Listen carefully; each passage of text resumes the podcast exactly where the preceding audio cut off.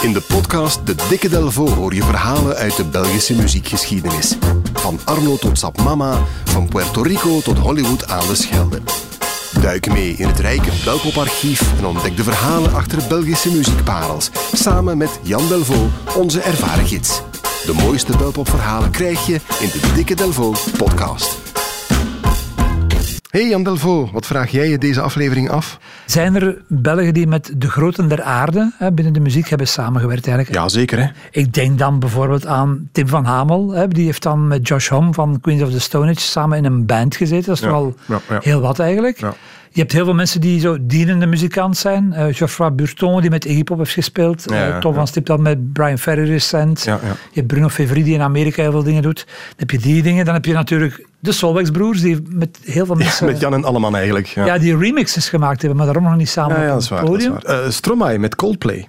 Ja, dat is inderdaad. Ja, dat is, dat misschien wel een grote, hè? Ja, dat is ja. waar. Ja, ja, dat, is inderdaad, dat is echt een nummer geworden. Hebben ze het samen gemaakt ook? Geschreven? Dat weet ik zelfs niet. Maar Denk ik dat is- wel, ja. Ja, Ja. Voilà. ja en, en eh, baas boven baas is natuurlijk Toets Tielemans, want die heeft met heel veel grote gewerkt. Er is een heel mooi filmpje op, ehm, op YouTube, staat dat, van, met Nick Cave, die Hey Joe zingt, en dan Toets die hem begeleidt op Ah, een ja. harmonica. En je ziet heel duidelijk dat, dat hij begot niet weet, Toets, wie dat er voor hem staat. Eigenlijk. Op dat moment was Toets tienmaal bekender dan, eh, dan Nick Cave. Dus dat is eigenlijk een beetje niet echt een goede voorbeeld, maar wel een heel, heel eh, mooi voorbeeld. Om maar te zeggen dat het duet dat Admiral Freebie heeft opgenomen met Emmylou Harris, dat dat toch wel een, een grote uitzondering is.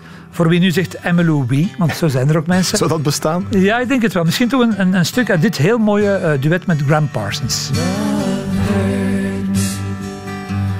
Love scars, love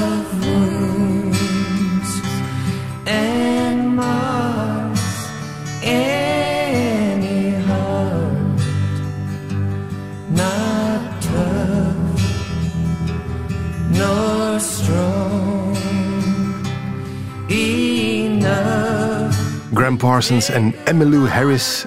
Niet alleen een romantisch koppel op een bepaald moment, maar ook muzikaal ongelooflijk goed. Hè? Love Hurts. Hij is jong gestorven, hè? Ja, ja. ja, ja, ja, zeer, zeer mooi. Ehm, ja, en toch zo'n nummer dat, want ja, Emmylou Harris is eigenlijk countrymuziek Mhm. in, in, in oorsprong. En toch een nummer dat countryhouders eh, moet kunnen bekeren. Ze heeft niet echt grote hits gehad, denk ik, op, op onder eigen naam. Maar ze is echt wel een echte grand dame, hè, die door iedereen met naam en faam op handen wordt gedragen. Van Dolly Parton tot Bruce Springsteen, zeg maar.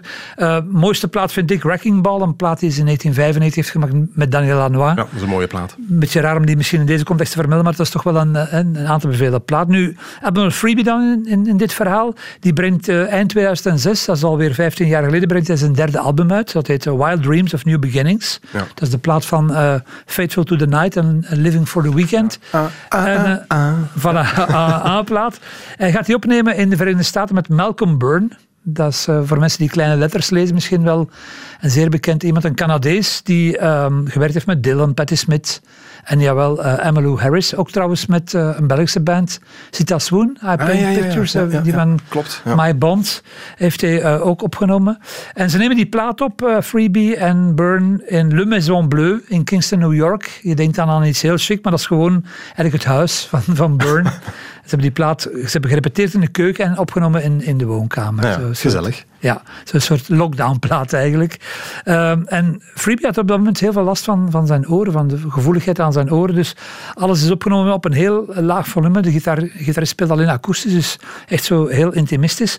En voor het laatste nummer van de plaat, een, een duet met Emmylou Harris, dat geregeld was via Malcolm Byrne, vliegen ze naar Nashville vanuit New York, waar Emmylou Harris hen persoonlijk staat op te wachten op de luchthaven. Waarschijnlijk met zo'n bordje. Geweldig. Tom van Laar zal er misschien op gestaan hebben. Ehm, in sportkledij naar verluid op haar sleffers, op haar sportschoenen. Eh, ze heeft dan s'avonds heeft hem mee naar huis genomen. Ze heeft dan s'avonds voor iedereen gekookt bij haar thuis. eh, spaghetti. Eh, ze had er 15 honden had ze toen. En Freebie heeft schrik van honden. Oei. ook van, ik was bang voor ze allemaal, zei hij. Dus ja, heel huiselijk, heel herkenbaar. Ehm, ter situering, om maar aan te geven hoeveel gewicht dat heeft. We schrijven 2006. D- Dat is het jaar waarin dat Emmylou Harris een duetalbum uitbracht met Mark Knopfler van Straits. Dat bijzonder goed verkocht Ja, heeft. Eh, ze is dat jaar ook op tournee geweest met Elvis Costello. En ze is te horen op platen uit, eh, eh, uit dat jaar van Bright Eyes en van Neil Young, Mhm. Ja. Prairie Wind. Om maar te zeggen, dat is niet dat ze even tussen de soep en de patatten deed. En voor Tom is het een droom die uitkomt. Absoluut een grote droom, kan ik me wel voorstellen. Zijn zoon Tim, zijn zoon, sorry, zijn broer Tim, galerijhouder in Antwerpen, de man achter Rinus van de Velde, die enorm op Tom lijkt. Ook nog eh, ook zeer grote fan is voor de familie van Lara, was dat eigenlijk een van de topmomenten uit, eh, uit hun leven. Al is Tom op zijn geheel eigen manier ook wel heel kritisch. Hij zegt van, ik vind trouwens eh, dat ze niet zo'n goede nummers schrijft. zegt hij, eh, Dolly Parton niet wel, maar zegt hij, ik vind Emmylou Harris een hele goede zangeres, maar dat vind ik van mezelf ook. Ja, voilà. Dat is helemaal Tom. Voilà. En wat moet dat kosten, denk je dan, hè, als je zo iemand eh, inhuurt? Eh, helemaal niks. Eh, nee, helemaal niks.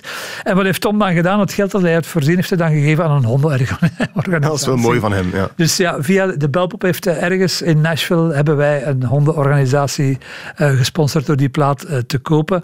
Misschien nog een kleine petit histoire om af te ronden over Emmylou Harris en de Belgen. Ze heeft ook een heel mooi verhaal met de meisjes van Lies. Ah ja. In eh, 1996 staan ze samen op Dranhoeder. Eh, Harris gaat kijken naar Lies, staat met open mond te kijken en heeft dan een briefje achtergelaten voor eh, de meisjes. En zegt van ja, to the eh, three angel voices, also enjoyed meeting you and hearing you sing, a lovely surprise. Wish you all the best and hope our path, path ik heb dat nooit uitgesproken, onze paden Ja, cross again. Stay true to the music in your heart. Prachtig. Briefje krijgen van Emmylou Harris. Dat is niet iedereen gegeven. Laat staan. Samen met haar zingen op een liedje. Dat heeft Tom van Laren, Admiral Freebie, mogen doen in Coming of the Night.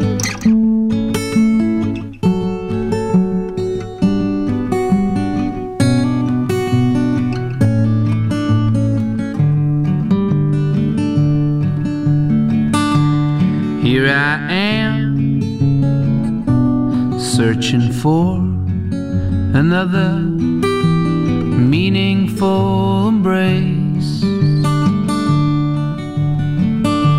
But I can't let self respect take second place. And rooms that once shone so bright are now filled with the coming night. And I don't know if I was ever as blue as I was today over you. Well, maybe, baby, we'll meet again someday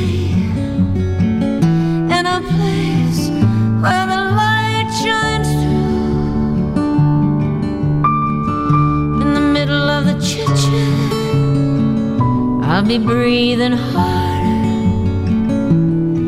Cause I will recognize you. and everything will be as we remember. And love won't be a dying ember.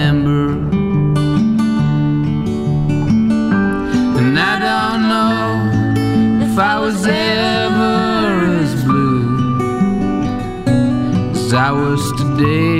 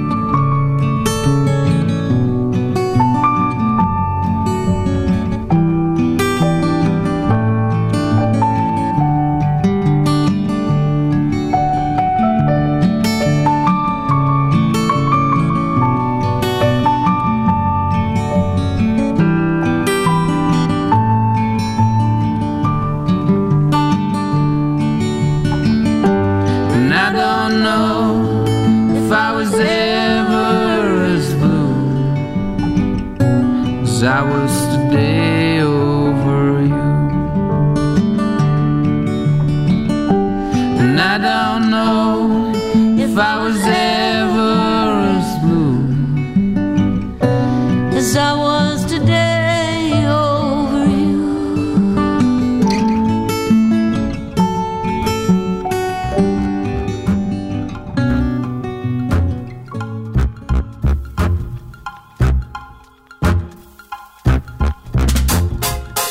zeker ook de andere belpopverhalen in een volgende aflevering van de Dikke Delvo.